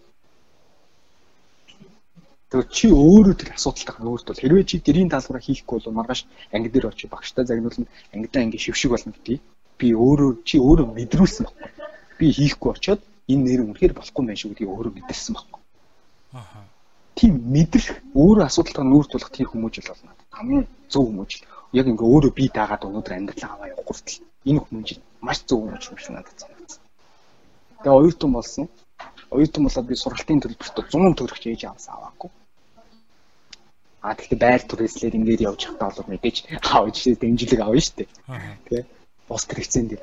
Гэтэ би ээж авах нуруунаас ачийг хөнгөлөх ёстой байна гэж оюутан багтаа би тэр асуудалтайгаа нүүдлээ мэдэрсэн. Тэгээ өөрөө би тэтгэлэг авсан. Тэгээ сургалтын хэлбэрт 100 төгрөгч гаргуулаагүй 4 жил сураад бид өссөн. Энэ хүмүүжил өнөөдрийг хүртэл наваад энд авчирсан. Тэгэхээр бол ээж ээж аваагаа бид нар илүү ойлгох хэрэгтэй юм шиг. Гэхдээ яг энэ би сайн ингээ хүмүүжил хүмүүжилгээ хоёр ингээ ондоол юм ажиллаа. Гэхдээ нөгөө ярих боломж авахгүй байж магадгүй яг сэтгэлээ удаа ингээ арчлаа. Тэр ийм хүмүүжлэлтэй бол би амар их талархаж байгаа шүү гэж та яг ийм хүмүүжлэр наваг өсгсөн. Тэр хүмүүсээс чамд өгсөн тэр хүмүүжил өнөө хүртэл чамд нөлөөлөө явж байна гэдэг чинь чиний аав ээжээс нөлөөлж байна гэсэн үг шүү дээ. Яг энэ 7 хоног. Тийм шүү дээ. Тийм шүү дээ. Тийм байна. Баярлалаа. Зөв өнцгөөс гоё харж өгсөн байна. Зүгээр зүгээр. Тэгэхээр чи бас асуулт руу нэлээд гоё бас гулгаад орчлаа. 6 дахь асуулт маань одоо юунд бага цагийг, юунд их цагийг өнгөрүүлсэн болоосаа гэж хүсэж байна өнгөрсөн 7 хоногт гэсэн асуулт. Тэгэхээр чи бас яг нөгөө ээж аав дээр ярьлаа те. Магадгүй энэ байв уу? Ер нь юу байв? Энэ асуулт өмнө надад бас тулгарч яасан. Тэгээд би энэ асуултанд нэг ийм зүйлийг ойлгосон. Бидний амьдралд ингээ маш олон асуудлууд байгаа. Ингээ бидэрт маш олон зүйлүүд байгаа хийх юм бол бид нар хангалттай бүгдийг хийж чадахгүй. Тэгээд тэр дундаас ингээд одоо чинь пицца бай гэж төсөөлөө те. 8 8 зүсэн пицца. Бүгд өөр өөр амттай. Тэр дундаас хамгийн гоё амттай нэг л зүсэн пицца байгаа. Тэгээд тэр пиццаг би ингээд амтлахын тулд 8 зүсэн пиццаны үн төлж байгаа байхгүй билгэнэ. 8 зүсэн пиццаны үн төлж байгаа шүү. Гэхдээ би нэгэн зүсэн тэр тэрийг л амтлах гэж байгаа шүү. Үүгээр юу хэлэх гээд байна бидний амьдрал ингээ 8 зүсэн пиццагаар төсөөлөл тэрний нэг ганцхан зүсэн пиццаа бидний хамгийн хайртай хүмүүс хамгийн бидэрт аж аргал баяр баясгал бэлгэлдэг хүмүүс болон тийм ажил ч юм уу юу ч хийж болно. Тим зүйл байгаа. Ердөө нийгэд үлдсэн 7 зүсэн пицца бол нэрэндээ огт хэрэггүй новшин зүйлс. Чи түүнийг нэг цаг зарцуулаад авах шаардлагагүй зүйлс байхгүй. Аа. Гэтэл бид нэр тэр ганцхан зүсэн пиццаг амтлахын төлөө 8 зүсэн пиццаны үн төлдөгтэй адил бид нар тэр өчүүхэн зүйлийг амталж чадахгүй. Тэр 7 пиццаг ингээл тойрол амтлаа л яваад байгаа байхгүй. Амьдралдаа яг л тийм цаг хугацаа зарцуулаад байна. Тэгээд хожим нь ингээд ухаардаг ч юм уу. Маш том хүн цохилтын ав гарчаа. Би яагаад ийм гайхалтай зам чи хайртай хүмүүстэй өнгөрөөж чадсангүй вэ гэж хүн боддог ч юм. Өөрөө очиж хана мөргөөд энэ нэр ингэж өвддөм байж та гэдэг өвдөлтийг мэдэрчээд хүн ойлгодог юм шиг надад санагдсан. Тэр өнгөрсөн хугацаанд бол би аав ишдэг бол хэвж уцаар ирдэг шүү дээ одоо. Хүн чинь тим орпны үг даа шүү. Хүн ингээд аав ишдэг өнгөрүүлэх цаг хугацааных нь 80%-ийг ахлах ангид ангиас өмнө ингээ өнгөрүүлсэн байдаг гэдэг шиг би бол яг л ингээл ахлах анги бол бие дагаал ингээ явцсан тусдаа амьдраад. Тийм болохоор аав ээжтэйг бол амралтаараа нэг хаяа очиж ээжийнхээ хошуурыг иддэг. Аавын шанс махыг иддэг. Тэгэл ихэнх тохиолдол уцаар л ярьж байгаа юм чи. Тэгэхээр хамт өнгөрүүлж чадахгүй байсан би уцаар ингээ бас өдрөлгөн ядаж яриад ах хэрэгтэй юм шиг санагддаг. Өнгөрсөн хугацаанд бол өнгөрсөн 7 хоногт бол сайн ярьж чадаагүй хүнийг хэлгээд дөрөв хоноо л ээж рүү залгадаг заримдаа ээж л төрүүл залгадаг аахгүй эцэг хүмүүс салгахгүй шүү дээ билгүний эцэг хүний хамгийн гоё юм тэр. Хүүгээ бол ингээл дотор ярихаас ингээл бодож байгаа санаж байгаа шүү дээ. Эр хүн л юм чинь. Гэтээ эр хүн хязээж төрүүлж залгадаг миний аав нэг тийм гоё цаг. Хязээж хүүгээ төрүүл залгахгүй тэгээ би л залгадаг аахгүй аав тэгээд ээж л хэл аа аав нэг хүүгээ яриа л гэх тэгсэн аав залгахгүй байна аахгүй. Амархуу Тэгээд энэ ховорхон ярьдаг. Тэрийг бол өдрөөлгөө ингээд гоё ээж хатаа ингээд очиод уулзахгүйсэн уцаар ярьчих хэрэгтэй юм шиг надад санагддаг. Өөртөө би тэрийг сайн хэрэгжүүлж чадахгүй байгаа даа сануулсан. Би надад асуулт чи хариултвал яг л тийм. Сайн тэр цаг хугацаа би зохицуулж чадахгүй байна даа гэх. Хүн ингээд мэддгийм л да. Билгүүнээ хүн болго ингээд хэлэнгүүт нэрээ тийм шүү гэж бодож байгаа одоо сонсож байгаа хүмүүссэн бай. Би ч өөр ингээд тэгтээ бодит зүйл дээр хэрэгжүүлж чаддгүй байхгүй. Амар хэцүү. Яагаад тэгээд гэдэг мэдэхгүй сонир шүү. Тийм тий. Хаа тэр их сонир шүү. Мэдээд ээжэж л. Мэдээд ээжэж л бид нар хэрэгжүүлж чаддаггүй. Тим Феррисийн нөгөө 4 цагийн номон дээр тэгдэг үлөө таны хамгийн айж байгаа хийхээс айж байгаа зүйл чиг үнэндээ хамгийн хийх ёстой зүйл гэдэг гээд. Тий. Тэгээд яг ингээд хайцтай. Тэгээд Тим Феррисийн номон дээр ер нь чиний сая нөгөө пиццан дээр жишээ авч байгаа надаа юг санагдуулсан гэхээр 80 20 хуулийг л санагдууллаа. Бидний амьдралын хамгийн одоо аз жаргалтай үнцнийг өгдөг 20% зүйл хахад бид нар нөгөө үлдсэн хэрэггүй 80 зүйл 80%-ийн зүйл дээр те их цагийг зарцуулаад байдаг. Тэр тийм шүү. Аха. За тэгэхээр нэмж хэлэх зүйл байна уу? Үүн дээрээ. Өөр юунд илүү бага цаг зарцуулсан болоосай. Юунд илүү зарцуулсан болоосай би зүгээр ингэж утас жоох энэ жоох хөндлөн байж магадгүй гэхдээ ийм бодол төр илүү их цаг зарцуулах хэрэгтэй гэж утсан юм бодол. Тэр бодол нь ямар бодлоо гэхээр аав ээж их мөрөөдлийг хүн гэдэг биелүүлэх төлөө бас энэ жил би зорж байгаа. Энэ жилийн нэг зорилго. Ингээд чи оны эцэстээ өөрийнхөө ингээд зөвхөн өөрийнхөө мөрөөдийг ингээд биелүүлэх гэдэг нэг цаастай байх юм шүү дээ. Би үли бич бичээгүй юм чил юу ч бичээгүй. Зүгээр нэг хайртай хүмүүсийн нэг мөрөөдлийг биелүүлэхийн төлөө нэг хичээгээд үзүүл яасан мэ гэж хэлсэн юм чил. Аа. Тэр нь тийм энгийн зүйлстэй. Тэгэхээр зүгээр аа маа нэг удаа надад хэлсэн яа. Манай өвөө ч өөрөө аа захиргааны орлогч дараагаар 27 жил ажилласан байдаг байхгүй социализм одоо бурхан болсон. Аа мундаг мундаг хүн байсан. Тэгээ өвөөд бол их хайртай. Гэхдээ тухайн цаг үед бол өвөө маань өвөө маань их дуугүй хүн байсан. Ярьдаггүй. Тэгэл сонин гарч иглаад тамиг тавтаа сойждаг. Нэг яриад байдаггүй тийм хүн. Ингээд харахад л гэхдээ тийм өмөртэй төшөртэй хүн байхгүй. Тэгээд аав өвөө маань бурхан болсон нэг асуулт хэлжсэн. Тэгээд өвөө нь өвөө нэг ийм л зүйлийг хүсдэг байсан юм шиг байна. Тэр нь юу вэ гэхээр хүүгээ ингэж жолооч болгочоод хүүгээ ингээд машины хажууд суулгачаад би өөрөө ингээд нөгөө давхын судал гэж ярьдаг тий. Давхын судал дээрээ суугаад хүүгээрээ жолоо бариулаад ингээд холын замд явж байгаа. Ингээд нутг руугаа ч юм тий. Ингээд явж байгаа. Тэр л миний аав нэг мөрөөдөл нээсэн болоо да гэж манай аав руу биелүүлсэн л тэрийг. Манай өгчөөр мундаг жолооч юм чинь. Аа. Тэгээд тэрийг бодцоод миний аав нэр нь яг өөр хүн 50 гэдэг нь хүүгээсэн ганц л хүүтэй шүү дээ. Эмэгтэй эмэгтэй хоёр хүүтэй юм чинь би айл юм болов уу одоо галгалан тэгээд салгаж үлдэх хүү. Тэгээд түүгээс хүү юу өстэй юм бол сүүлийн хэдэл энэ бодолтой би төвлөрч байгаа. Миний аав нэр юу мөрөөдөх юм болов ш. Тэр хүмүүс тийм гайхалтай зүйл мөрөөдөх байгаа ш бидрээс. Өчүүхэн юм ба бид бүр анзаараагүй л. Тэгээ энийг иймэрхүү зүйлүүдээр л энэ цаг хугацааг бол илүү зарцуулах хэрэгтэй л гэж бодож байна да. За маш гайхалтай хариултын тавина. Бодол дээр төвлөрнө гэдэг бол өөрөө их онцгоос нэгтлээ надад. Бодол өөрөө бэлээ болдог учраас ч юм болов. Тэгэхээр тэгвэл чи дараа 7 хоногт дараа 7 хоногийн тайвнаад юу гэж захих вэ? Энэ бол 7 дахь асуулт байгаа. Дараа 7 хоногийн тайвнаад. Ялах ялахгүй жижигхэн зүйлүүд битээ ачаал бүлэг өрөөл гэж тайвнаад. Аа. Ягаад? Одоо би жижиг зүйлсэд нэг хангалттай яг цаг зарцуулж штэ. Тэгээ түүнээсээ болоод ингээ стресстэй бухимдаад байдаг. Чи хорвоод л жоохон өөжмаад харъя. Жижигхэн болоод өнгөрсөн зөвлөлтөд бас тоомжруу хандаж сурыг. Болох хэвээр болсон юм байлгүй дээ. Тэр нэг ажил бүлэгүүд ахгүй. Дараагийнхаа алхам ингээд хараагаад үсрээд оръё тий. Тийм л зүйлүүд чинь жижиг зүйл бити төвлөрөөрэй. Тийм. Тэгээ жижиг зүйл төвлөрөхгүй байхын тулд нэг хүн үхлийн тухай бас аяа бодох хэрэгтэй юм шиг байна шүү дээ. Би үхлийн тухай бод энэ жон гаж сансан юм. Гэхдээ үхлийн тухай бодохоор би их тайвширдаг. Аа. Ингээд одоо стресстэй байгаа бүхнээд байгаа маань зөвхөн өчүүхэн зүйл болж хуйлаад байгаа юм шиг санагддаг. Үхэл бодох амар биш үү? Амар биш. Надад бол амар биш. Аа. А хайртай хүмүүс маань ингээд нэг л өдөр ингээд нисэл яадаг штэ амьдралын юм. Тэр тухай бодох бол амар. Би зөвхөн тайван гэдэг хүний үхлийн тухай бодоход энэ бие зөгцсөн гэдэг нэг л өдөр зогсон.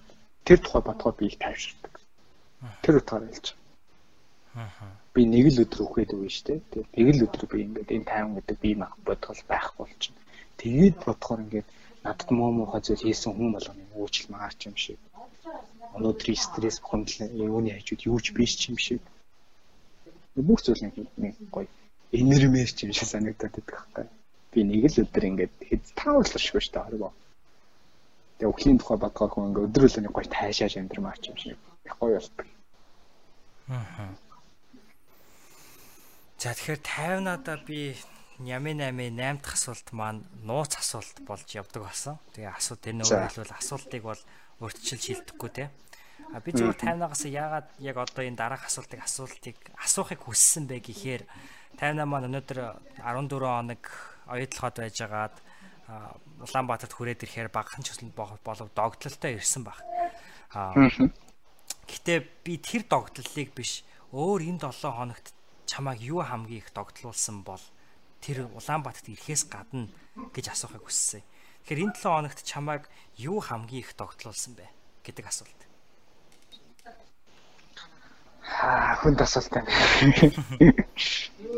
Би надаас ч их айж. Аа. Би их тогтлохоо байгаад байгаа юм шиг мэдрээд байгаа байхгүй билгүнэ.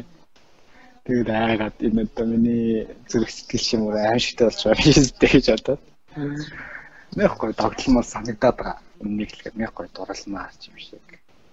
Солиортлаад дурлмаа ч юм шиг. Тийм мэдрэмжийг хүсэж байгаа. Тэгээд догтлол ирэн баг болцсон. Тэгээд би түүнээс хайгаад. Тэгээ наадтай чи яг ийм юм догтлсон гэж байгаа. Хотлоо хариулт гээд байгаа юм. Санагдаад л байна. Аа. Яг тийм их хүчтэй догтлсон зүйл байхгүй. Аа. Их л тайван л тийм байл. Энэ 7 хоногт чи өөрөөрөө юунд хамгийн их бахархсан бэ? Тэр нь магадгүй догтлыг үүсгэсэн байж болох юм болов. За, байж болох юм тийм. Аа чи их гоё шүү бэлгүн ингээд хүн ингээд асуултыг хариултыг олж чадахгүй байхад чи ингээд сэжүүрийг гаргаж өгөөд ингээд олох гээд ухаад байна гэдэг чинь амар гоё зөв шүү дээ. Гоё таалагдчих. Мм миний үт юм байна. Тэгээ таймнада таалагдж байгаа. Таймнадагаар бахархаж байгаа. Таймнагийн үед одоо байгаа амьдралтай ч юм ингээд асуудлууд ингээд надад байгаа. Тэр асуудлуудаа өөрөө ингээд хүлийн зөвшөөрөөд түүндээ сэтгэл ханамжтайгаар ингээд байгаад Тэгээд байнга тасралтгүй ингээ өргөжлээд хичээгээд яваад байгаа да би талархаж байгаа. Бохорч байгаа. Тэгээ шалтарт очоод би ингээд байна да гэж хэлээд байгаа биш.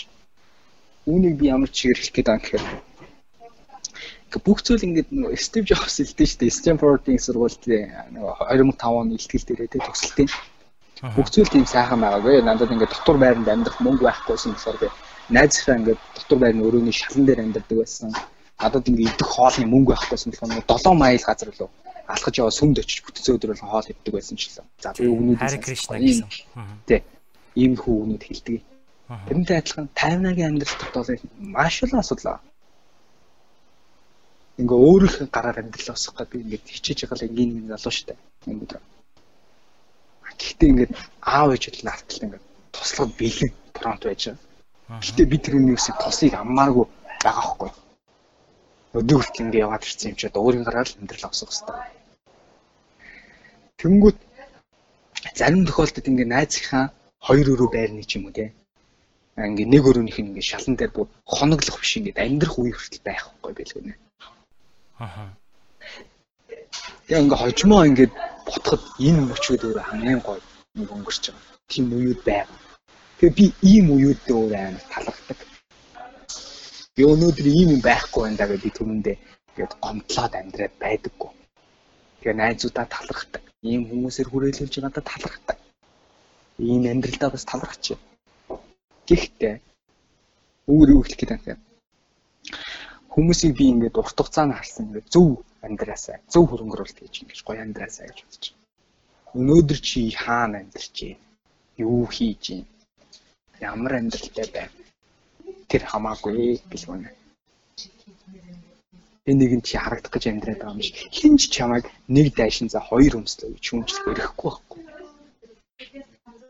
Тэр өнөөдөр би найзынхаа өрөөний шалан дээр амьдарч байна. Тэр хин хамаатай. Би л тэр амьдралтаа сэтгэл хангалуун байна. Гэхдээ би шалан дээр амьдарч байгаа хэрнээ гэж хэлий хтэй тий. Гэхдээ би дэлхийн томоохон компани хувьцаа эзэмшиж байгаа. Аа. Өчүүхэн л дээ. Өчүүх. Монголын томоохон 2 3 компани би хувьцаа эзэмшиж байгаа. Би өнөөдөр хэнийг нь дүр эсгэж амьдраад гой машин унаа явж чадна. Надад мөн дансанд мөнгө нь байгаа. Би аваад болж чадна. Гэтэ надад тэр шаардлагагүй шүү дээ өнөөдөр. Би нийтийн тээврээр зарчаад нэг бол алхаад явчихна. Нэг бол такси дээр явчихна. Яах вэ? Би хэн таалагдах гэж амьдраад байгаа. Тэгэхээр хүн өөр өөртөө л өнөөдөр амьдралдаа сэтгэл хангалуун байв хин нэгэнд ингэж харагдахсан гэдэг тийм нэг тэнэг хөрөнгө оруулалтууд тэнэг худалдаа авалтуудыг эзэж үтгий гэсэн л хич хүмүүстэй хэлнэ. Аа. Урт хугацаагаар гоё харж амьдрал та. Одоо миний найзууд өндөрчнөл найзууд байна л та. Зээл тавиал машин авдаг. Зээл тавиал ингээд байр авдаг. Тэгээ нөгөө зээлийнхээ араас ингээд цар болгоны хэдэн тэдэн төгрөг тулна гэж амьдраад байдаг. Аа. Яг нийл амьдрал л та. Гэхдээ ингэ машин харах юм бол тэр үнийг яг хэрэгцээ юу биш. Бусдад л гоё харагдах гэж байгаад байгаа. Аа. Тийм зүйлүүдээс их хүмүүсийг гоё татгалзаж амьдраасэ гэж бодож. Өнөөдөр чи хаана яаж амьдрэх нь чухал биш. А 4 жилийн дараа харин чи зөв хүссэн амьдралаар амьдраад байж үгүйсэхгүй шүү. Аа. Тэгж л бодож. За. Маш хүчтэй хийгээд маш үнэн маш мэдхгүй яг юу гэж хэлэхээ мэдхгүй. Энэ ярилцлага ер нь өөрөө яг чи нөгөө опрагийн номыг уншаад ихчтэйгээ яриад сууж байгаатай адилхан мэдрэмж авсан гэдэг шиг би яг чамтай ингээ ярилцаж сууж байхад айгуу тийм дотны ахтайгаа яриад сууж байгаа юм шиг тийм мэдрэмж авлаа. Надтай айгуу үнэн байлаа. Тэгээд үнэн байх гэж ястай хичээсэн. Би бол тэрэнд чи хамгийн их талархаж чинь тайвна. Үнэн байсанд чинь маш их баярлаа. Бас урилгыг маань хүлээж авч оролцсон маш их баярлаа. Тэгээд кофе шопт суугаад хоёлаа нэг нь Америкт нэг нь Монголд сайхан цай уунгаа ингээ ярилцлаа. Маш сайхан байлаа тайвна баярлаа. За баярлалаа. За тэгэхээр ингээд энэ хүрээд манай Ямин 8 подкастын маань 18 дахь удаагийн дугаар маань өндөрлж байна. 2018 оны 18 дахь дугаар маань бит хоёр бол 50-агийн номын хилцүүлгийн 8 дахь дугаарт хамгийн анх оролцож исэн юм байлээ. Тэгэхээр их 888 гэсэн ийм юу байла? Өдөр байла. Тэгээд гахалтай. Тэгээд 50-наад сайхан өдрийн мэндийг хүргээд энэ өдрийг сайхан өнгөрүүлээрэ. Баяртай гэж хэлээд тэгээд энэ нэвтрүүлгийг өндөрлүүлье. За баярлалаа. Тэг үрж оролцсон өнөөдөр маш их баярлалаа. Тэг та сайхан амраарай. Дараад мэнд хүргээрэй. Тэгээ сонсч байгаа бүх хүмүүст баярлалаа. За баярлалаа. Баяртай. За баяртай.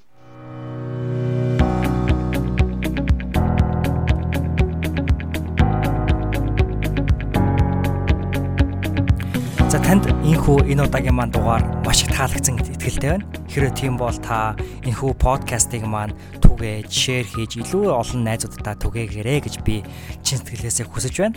Мөн хэрвээ танд ямар нэгэн бодол төрсэн бол, ямар нэгэн сэтэл төрсэн бол, ямар нэгэн сэтгэл төрсэн бол надтай хийгээд манай энэ удаагийн зочин 50-наатай маань заавал хуваалцаарай гэж хүсэж байна. Таны хувьд байнга ирдгийн та бүхний маань одоо энэ хүү дэмжлэг бол яахын аргагүй маш чухал байдаг. Тэгээд манай подкаст маань сонноос гэвэл Stitcher гэдэг Android болон iPhone дээр байдаг апп дээр гарсан байгаа. Мөн миний дуртай Android дээр хэрэглэдэг Player FM гэдэг програм дээр манай Нямин 8 подкаст маань гарсан байгаа шүү. Тус тус хэрвээ та бүхэн маань илүү одоо эвтэйхэн өөр програм дээр нөхөө подкастыг сонсоё гэж байвал магадгүй тэр хоёрыг сонирхоод үзээрэй. Билгүүн.com буюу b i l l g u u n.com.com гэж ороод подкаст гэсэн хэсэг рүү орох юм бол тэрхүү програмуудын маань линк байгаа. Ингээд бид хоёртай хамт байсан баярлалаа. Дараагийн дугаараараа иргэн уулзцгаая.